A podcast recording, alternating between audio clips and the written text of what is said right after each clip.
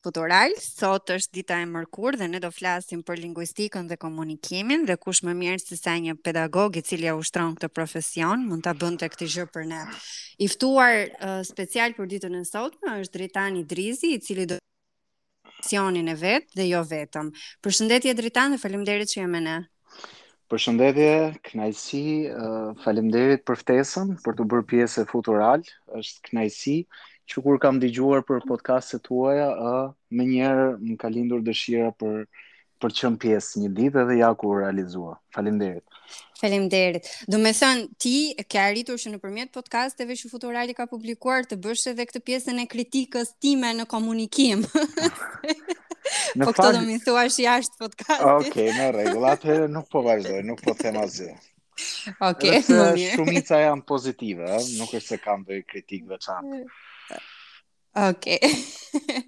më më thuaj atëherë Dritan, pse A... pse pikërisht kjo fushë studimi, pse ky profesion, cilat kanë qenë indicia dhe gjithçka tjetër që uh, ty të kanë bërë të të ndjekësh këtë rrugë. Ëm um, në fakt un kam studiuar në fakultetin e gjuhëve të huaja. Ë uh, për gjuhën angleze, më pas masterin ë uh, e kam bërë, e kam zhvilluar prapë për gjuhën angleze dhe komunikim ndërkulturor, më pas një master tjetër ë uh, që ka qenë në një fushë tjetër, menaxhim, marketing, uh, turizmi. Dhe mhm. natyrisht ë uh, le të themi në fund të studimeve master, ë, un kam kuptuar që realisht ajo që do më pëlqente mua ose ajo që un do bëja me shumë pasion, do të ishte uh, pikërisht uh, pjesa e të qenit një lektor ose një pedagog uh, i atyre degve ose le të themi i atyre lëndëve që un kisha studiuar edhe vet, sepse aty e shija veten ë uh, më më të gatshëm për të dhënë kontributin tim. Dhe pastaj aty filloi dhe rrugëtimi, ë, pasi unë u diplomova, ë, natyrisht, ë, përpara kisha pasur disa ë eksperienca pune të tjera, jo të ngjashme, mm -hmm. dhe m'u dha mundësia që të isha pedagog me kohë të pjesshme si fillim dhe pastaj me kohë të plotë ë pranë universitetit ku unë jam tani. Ti më the paraprakisht që ke bërë punë vullnetare dhe ti e vlerëson çdo të ri i cili e bën këtë gjë për veten, por edhe për komunitetin në të cilin ai jeton. Si e ke parë ti tek vetja punën vullnetare dhe sa të ka shërbyer ajo për të për t'u përmirësuar qoftë nga ana profesionale, por edhe si person? Uh, atëherë, volunteering ose vullnetarizmi ose puna vullnetare, uh, mendoj që është një ndër gjërat më të mira që mund të bëjë një njeri, uh, një njeri që është duke studiuar, uh, mua më ka shërbyer shumë, personalisht, uh, për rreth gati 2-3 vite, unë kam qenë, uh, jam angazhuar me punë të ndryshme vullnetare në organizata jofitimprurëse, uh, kam qenë në, në uh, Youth in Action Programs and Trainings uh, jashtë vendit gjithashtu ku sigurisht kam mësuar dhe më shumë rreth vullnetarizmit e të tjerë. Uh, dhe mendoj që është një ndër gjërat që mund t'i vlejë çdokujt, është uh, eksperienca e parë që ti vendos në CV-n tënde. Duhet pasur parasysh diçka që Uh, gjithmonë kur ti aplikon për punë për herë të parë dhe je i sapodiplomuar, sigurisht që uh, kërkohen ka disa requirements ku të kërkohet mm -hmm. për shembull që ti të kesh një eksperiencë pune, sadopak ë uh, të kesh punuar por në një fushë të caktuar uh, me qëllim që ti t'i provosh punëdhënësit tënd të ardhshëm uh, që ti vlen për pozicionin që ai po uh, po ofron. Dhe uh, ku ka më mirë sesa ta kesh në CV-n tënde uh, pikërisht një punë, qoftë punë vullnetare, uh, uh, në qoftë se të jepet mundësia mm -hmm. ose dhe në qoftë se ti e ke këtë dëshirë, ose dhe një punë të paguar, ky është rasti më i mirë pastaj. Por mendoj që vullnetarizmi është ajo që neve na jep na jep një frymë shumë të mirë edhe në raport me punën, duke mos e parë atë vetëm si një burim të ardhurash, ë, por edhe si një mundësi shumë e mirë për t'u rritur, për t'u rritur profesionalisht, për të kuptuar më shumë settingun e punës, ë, pra mjedisin e punës, i cili për të thënë vërtetën është i ndryshëm nga ai akademik, pra gjatë kohës në, që ne jemi studentë, ne marrim dije, njohuri, ë ë ë për sa i përket lëndëve, ë pra dije teorike. Është diçka teorike, po, e drejtë. Sigurisht. Dhe kjo puna vullnetarizmi në këtë rast të ndihmon jashtëzakonisht shumë.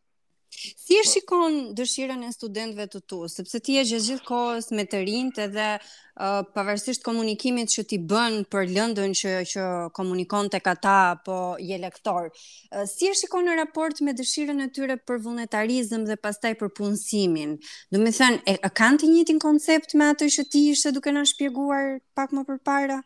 Uh, në fakt, në fakt është diçka e re për studentët tanë, ëh. Uh, domethënë vullnetarizmi nuk është një praktikë shqiptare, nuk e ka zanafillën në Shqipëri, sigurisht ne ose ata të cilët janë ndeshur për herë të parë me të, sigurisht që janë referuar praktikave ndërkombëtare të vullnetarizmit, studentët në vende të ndryshme si SHBA apo edhe në vende të ndryshme të Europës, por edhe në vende të tjera të botës, vullnetarizmin e kanë parë si një mundësi për të krijuar, për t'i dhënë vetes pak hapësirë për të parë në terren një botë tjetër. Ë kryesisht vullnetarizmi, ë për shembull me student të, që un kam qen bashkohës le të themi të huaj, ë uh, është uh, kam kuptuar se ata e shihnin vullnetarizmin si një mënyrë të re, jo vetëm për të provuar një eksperiencë të re, por edhe për të mësuar më shumë rreth kulturës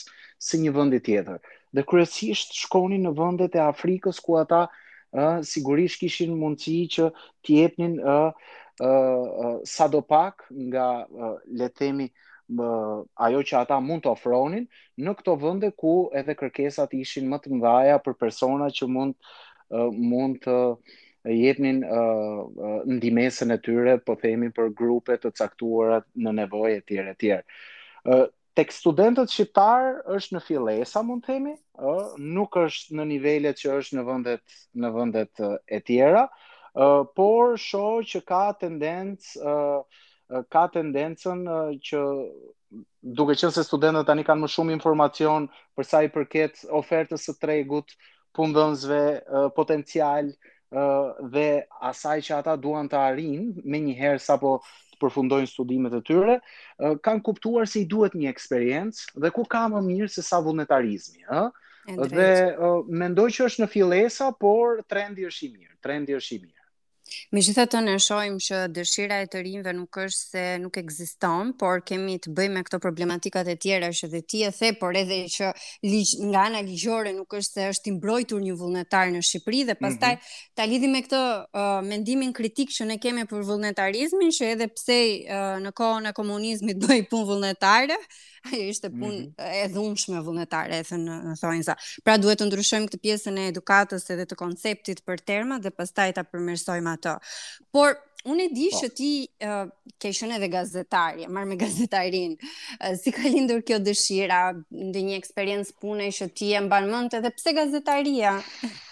Ka ka qenë diçka modeste në fakt. Uh, uh, un kam punuar në një televizion, uh, ka qenë një emision shumë interesant, satirik, uh, dhe uh, ka qenë një eksperiencë, le të themi unë sapo kisha përfunduar studimet dhe uh, me thënë të drejtën, unë gjithmonë kam pasur qejf të shkruaj, edhe shkruaj vazhdimisht. Uh, herë i botoj, shumicën e rasteve jo, janë thjesht reflektimet e mia në raport me aktualitetin, por jo vetëm. Uh, mund të marr spunto nga një ngjarje dhe të ndërtoj një uh, një artikull e tjerë e tjerë. Mm -hmm. uh, gazetaria uh, është një gjë që lidhet shumë edhe me edhe me pjesën e mënyrës se si un jam rritur, uh, uh, nga im atë e tjerë e tjerë. Uh, dhe uh, gjithmonë e kam parë si një mënyrë ku gjithsecili mund të shprehë, sigurisht, jo gjithsecili që ka dëshirë të shkruajë një status në Facebook, sepse në ditët e sotme ka rënë në rafshin ku çdo kush mund ka diçka për të thënë, por uh, jo jo për të gjithë vlen ajo që ai uh, ka për të thënë, ëh. Drejtë. Uh, por jo në këtë rafsh, natyrisht nuk jam për këtë liberalizimin e tepërt, në kuptimin që çdo kush merr fjalën edhe pa pasur uh, diçka për të ndarë me të tjerët, flas për diçka të frytshme, mm -hmm. por mendoj se uh, ata që e kanë pasion gazetarinë dhe uh, kam ndeshur shumë edhe gjatë kohës që un kam qenë dhe jam pedagoge, po uh, i referohem të shkuarës, ka studentë që të cilët kanë një dëshirë shumë të madhe për t'iu përkushtuar dhe duhet të kuptojmë që është një profesion i vështirë, uh, nuk është një profesion uh, i mirëpaguar akoma, fatkeqësisht dhe kri, kërkon shumë sakrifica. Dhe mendoj se është luks i tepërt për dikë i cili shkruan apo merret me gazetari kur ai do dhe jo si profesion të cilin duhet ta ushtrojë sepse i duhet edhe që të të të fitojë të ardhura nga ai. Mm -hmm. Kurse për gazetarët të cilët e, e bëjnë gazetarinë dhe e prekin në terren çdo ditë, mendoj që në, ata janë vërtet heronj. E drejtë. Besoj ti do jesh në gjendje tani të të, të më thuash, po në mënyrë kështu është të fshehtë fare. A kanë shqiptarët probleme me komunikimin? mm. Shiva, um, tani problemet me komunikimin lindin për shkak të situatave. Ë uh, problemi nuk lind te komunikimi, problemi lind tek ideja. Ë uh, neve ë uh, gjithmonë jemi në një proces të menduarit gjatë gjithë kohës, përveç momentit që jemi duke fjetur. Ë uh, natyrisht që komunikimi nuk është le të themi ë uh, një proces që përfshin vetëm një palë, ai përfshin disa palë dhe natyrisht përgjegjës janë të gjithë ata që përfshihen. Ëm ehm, um, duhet pasur parasysh që natyra pak uh, le të themi ëm ehm, um, jo e qetë, ë që predominon tek neve si ballkanas. Jemi gjaknxehtë. Jemi paksa gjaknxehtë, unë nuk doja ta të përdoja pikërisht atë epitet, prandaj thashë jo e qetë, por uh, uh, sigurisht që krijon krijon probleme në komunikim. Ajo që vihet re uh, së fundmi është se nga komunikimi i keq lindin uh, pastaj uh, dhe sjellje të cilat kanë uh, marrin përmasa më të mëdha, për sa i përket dhe ne e shohim këtë për shembull në komunikimin publik. Shumë shpesh ka keqkuptime, shumë shpesh ka agravim të situatave të ndryshme, kryesisht edhe për nëpër studio ku pretendohet se të ftuarit i përkasin një shtrese të caktuar intelektuale, mm -hmm. presupozohen si elitarët, por ndonjëherë çedojnë në komunikim, çedojnë me zhargonin, çedojnë me me me gjuhën e përdorur, e cila në shumicën e rasteve është stigmatizuese, diskriminuese dhe kjo bëhet me qëllim. Prandaj nuk mund t'ia vendosim gjithmonë fajin komunikimit, duhet parë se cila është uh, le të themi uh, ose më saktë cili është uh, synimi që ka folësi. Mm -hmm. Pastaj për sa i përket komunikimit në situata të ndryshme, uh, duhet parë, duhet parë në raport në raport specifik do thoja unë. Për shembull, neve kur po diskutonim uh, që parë së bashku, cekëm pak pjesën e komunikimit për sa i përket uh, në fushën e, e shërbimeve. A është komunikimi? Dhe këtu doja, këtu doja të shkoja në po. fakt. tek turizmi edhe pastaj shërbimet që vijnë më pas, sepse mm -hmm. unë e mhm. di që edhe kjo është një fushë që ti ti e ke me qejf edhe dëshiron ta ndash me ne sot në podcast.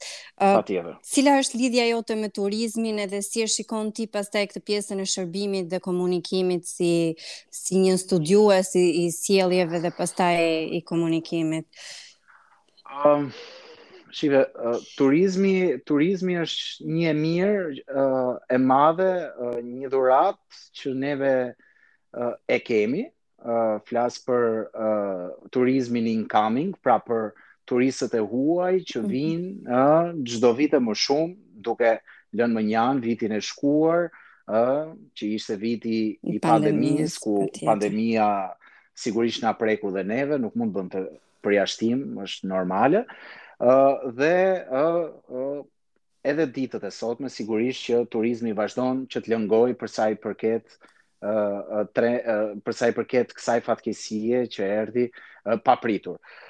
Por natyrisht Shqipëria i ka të gjithë potencialin dhe kjo dihet tani më, uh, jo vetëm nga neve, ne e kemi ditur gjithmonë, thjesht nuk e kemi nuk e kemi kuptuar sa duhet në momentin e duhur, vetëm vitet e fundit po shihen përpjekje serioze nga të gjithë aktorët e interesuar, mhm. tur operatorët, ë pushteti qendror, pushteti lokal, të cilët janë janë investuar të gjithë për të krijuar një klimë turistike sa më të mirë.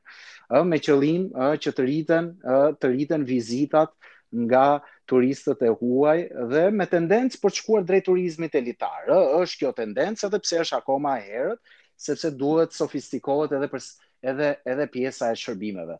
Un kam një marrëdhënie shumë të mirë, ë, uh, domethënë un jam një turist, le të themi, ë, uh, uh, i apasionuar, sigurisht, kryesisht uh, i apasionuar pas turizmit balnear, por dhe atij kulturor, ë, uh, duhet pasur parasysh që uh, dikush uh, që ka pasur mundësi që ta vizitoj uh, që i vogël, unë që në moshë të hershme kam pasur mundësi që ta vizitoj pothuajse të gjithë Shqipërinë, sigurisht ka akoma vënde që dua t'i zbuloj, ë e kupton se ne jemi një vend shumë i pasur, ku thyerjet jo vetëm ato të terrenit, por edhe të kulturave, ë ë brenda ë brenda kësaj sipërfaqes son të vogël, por të rëndësishme, janë të mdhaja dhe kjo e bën akoma më interesante, më argëtuese për turistin e huaj ë ë ë vendin ton.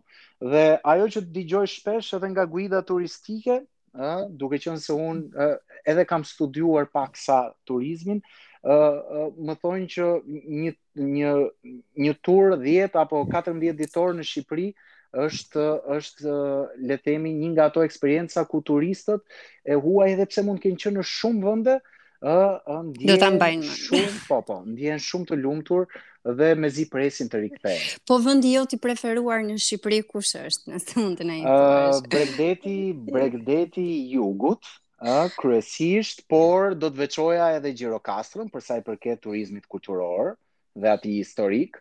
ë Gjirokastrën e preferoj më së shumti. Sigurisht nuk mund ta harroj pa përmendur, por në rastin tim është diçka e jetuar edhe Tiranën. Tirana ka disa spote turistike shumë interesante, paçka se pak i njohin. Uh, por për turistët e huaj Tirana është shumë interesante, po flas për Tiranën e vjetër, në aspektin mm -hmm. e, e, e asaj që ne kemi trashëguar. Dhe por sigurisht që Shqipëria është pak e vështirë të veçosh vetëm disa vende, Shqipëria është shumë e bukur kudo, nga jugu në veri. E drejtë. A ke ti një mesazh për të rinjtë të cilët të dëgjojnë apo një moto që ty të ka shërbyer në jetë për të për të arritur aty ku ti je sot apo dëshiron ta arrish më tepër me veten tënde? Atëherë, ëm um, shive një moto um, do të ishte një nga motot, sigurisht ë uh, që duhet patjetër që të bëjnë gjërat që realisht i duan. Ë uh, unë personalisht gjithmonë kam ndjekur dhe kam bërë gjërat që kam dashur. Uh, dhe mendoj se pa pasur pasion uh, për gjërat uh, që ti do, pra po nuk ishe pak ti pasionant dhe atë gjën që ti do të bësh ta bësh me pasion, nuk mund ta bësh mirë. Mm -hmm. uh, njerëzit mendoj bëjnë mirë vetëm gjërat që i duan fort. Uh, në rast se uh, do të bësh diçka, duhet ta bësh mirë atë. Në rast se uh, do ta bësh mirë atë, duhet ta duash vërtet. Në rast se ti nuk e bën mirë atë atëherë, uh, ti nuk do atë, do diçka tjetër dhe ti thjesht duhet ta gjesh se çfarë do të bësh realisht. Dhe mendoj se të rinjtë sot kanë mundësi që uh, të mësojnë uh, më shumë dhe të kuptojnë më shumë duke qenë se kanë mundësinë që ë ë t'i t'i shpërbëjnë barrierat nëpërmjet botës virtuale, ë ë që në moshë të re, fare të re. Dhe kjo do i ndihmonte për të kuptuar dhe se çfarë duan të bëjnë. Por s'duhet të harrojnë një gjë, që gjërat arrihen me shumë punë, ë ë arrihen me shumë punë dhe duhet të, të jemi gjithmonë uh, sistematikë. Uh, unë gjithmonë ia them dhe studentëve që në rast se ju punoni dhe jeni sistematikë mund të arrini çdo gjë. Dhe mendoj se gjithashtu nuk duhet të stepemi ë uh, uh, menjëherë uh, ndaj vështirësisë së parë që na na na del në horizont. Okej, okay, na del një vështirësi, duhet ta kalojmë atë. Është thjesht një pengesë. asgjë më shumë. Pra çdo vështirësi, çdo problem duhet parë si pengesë dhe jo si një mur i pakalueshëm, sepse muret ë i ndërtojmë neve dhe mund t'i shkatërrojmë dhe mund t'i kalojmë po neve, ë. Kështu që duhet gjithmonë që të jemi të motivuar për t'ia dalë me sukses çfarëdo lloj sfide. E drejtë, gjithçka kalon. Pra, nëse ne gjejmë forcën edhe dëshirën për të ecur përpara, gjithçka gjithçka do të kalojë. Dhe po shumë vullnet, ëh. Po ne Dritanin do ta shohim vetëm tek linguistika dhe komunikimi apo apo ka projekte edhe dëshira të reja që i shtohen atyre që tashmë përmendëm. Ëh, uh, shiko, un jam gjithmonë duke un jam gjithmonë duke ëh uh, menduar për gjëra të reja, sigurisht momentalisht un jam uh, jam fokusuar uh, në në pjesën e mësimdhënies. Mm -hmm. uh, dhe patjetër që kam kam gjëra që që jam duke i planifikuar më shumë plane afatgjata në raport me ku dua të jem unë uh, në pas disa pas disa vitesh. Sigurisht që projekte të ndryshme herë pas here un jam i angazhuar, uh, flas për projekte që nuk uh, nuk përfshijnë vetëm atë termin që përdoret sot po merrem me një projekt. E vërtetë. Është është ai është në zhargonin e përditshëm që dëgjojmë këdo. Mm -hmm, e drejtë. I cili i cili merret me projekte, mund të merret me projekte, po jo, nuk po flas për gjëra për gjëra të planifikuara të atij lloji ose të të angazhimit të drejtpërdrejtë full time, por për projekte personale të cilat un mezi pres që t'i realizoj dhe shpresoj që t'i realizoj, sepse asnjëherë s'i dihet, por mendoj se, se mund t'i realizoj. Dhe ne urojmë që t'i realizosh, që pastaj t'i ndash me ne projektet dhe t'i, t'i, t'i shpërndajmë tek të tjerët si modele suksesi, pse jo. Jo. Dritan, ne jemi në fund të, të podcastit dhe minutat kaluan shumë shpejt dhe unë të falenderoj shumë për eksperiencën tënde që arrite dhe ta ndash me ne. Uh, nëse ke dëshirë të thuash diçka në fund, apo Uh, jo, unë do doja, nuk e di, uh, këto, këto minuta kaluan shumë shpejt, uh, më si rrallë herë, uh, kur jam në biseda dhe u ndjeva shumë mirë, uh, dhe mendoj që uh, këto podcaste uh, është, është një gjë e re, më për Shqipërinë, mendoj se është një një dritare shumë e mirë ku gjithkush që ka diçka për të ndarë me të tjerët, ë i jepet mundësia për ta bërë në një mënyrë ë jo tradicionale tani më, ë por që ë të jep edhe mundësinë gjithashtu që të reflektosh në bazë të eksperiencave të të tjerëve. Dhe unë e bëj shumë shpesh këtë. e bëj shumë shpesh. Dritan të falenderoj dhe uroj dhe shpresoj të dëgjohemi për projekte të tjera më të mëdha. Faleminderit dhe ju uroj shumë suksese. Dëgjues të Futural, dëgjohemi ditën e shtunë. Kënaqësia e jonë.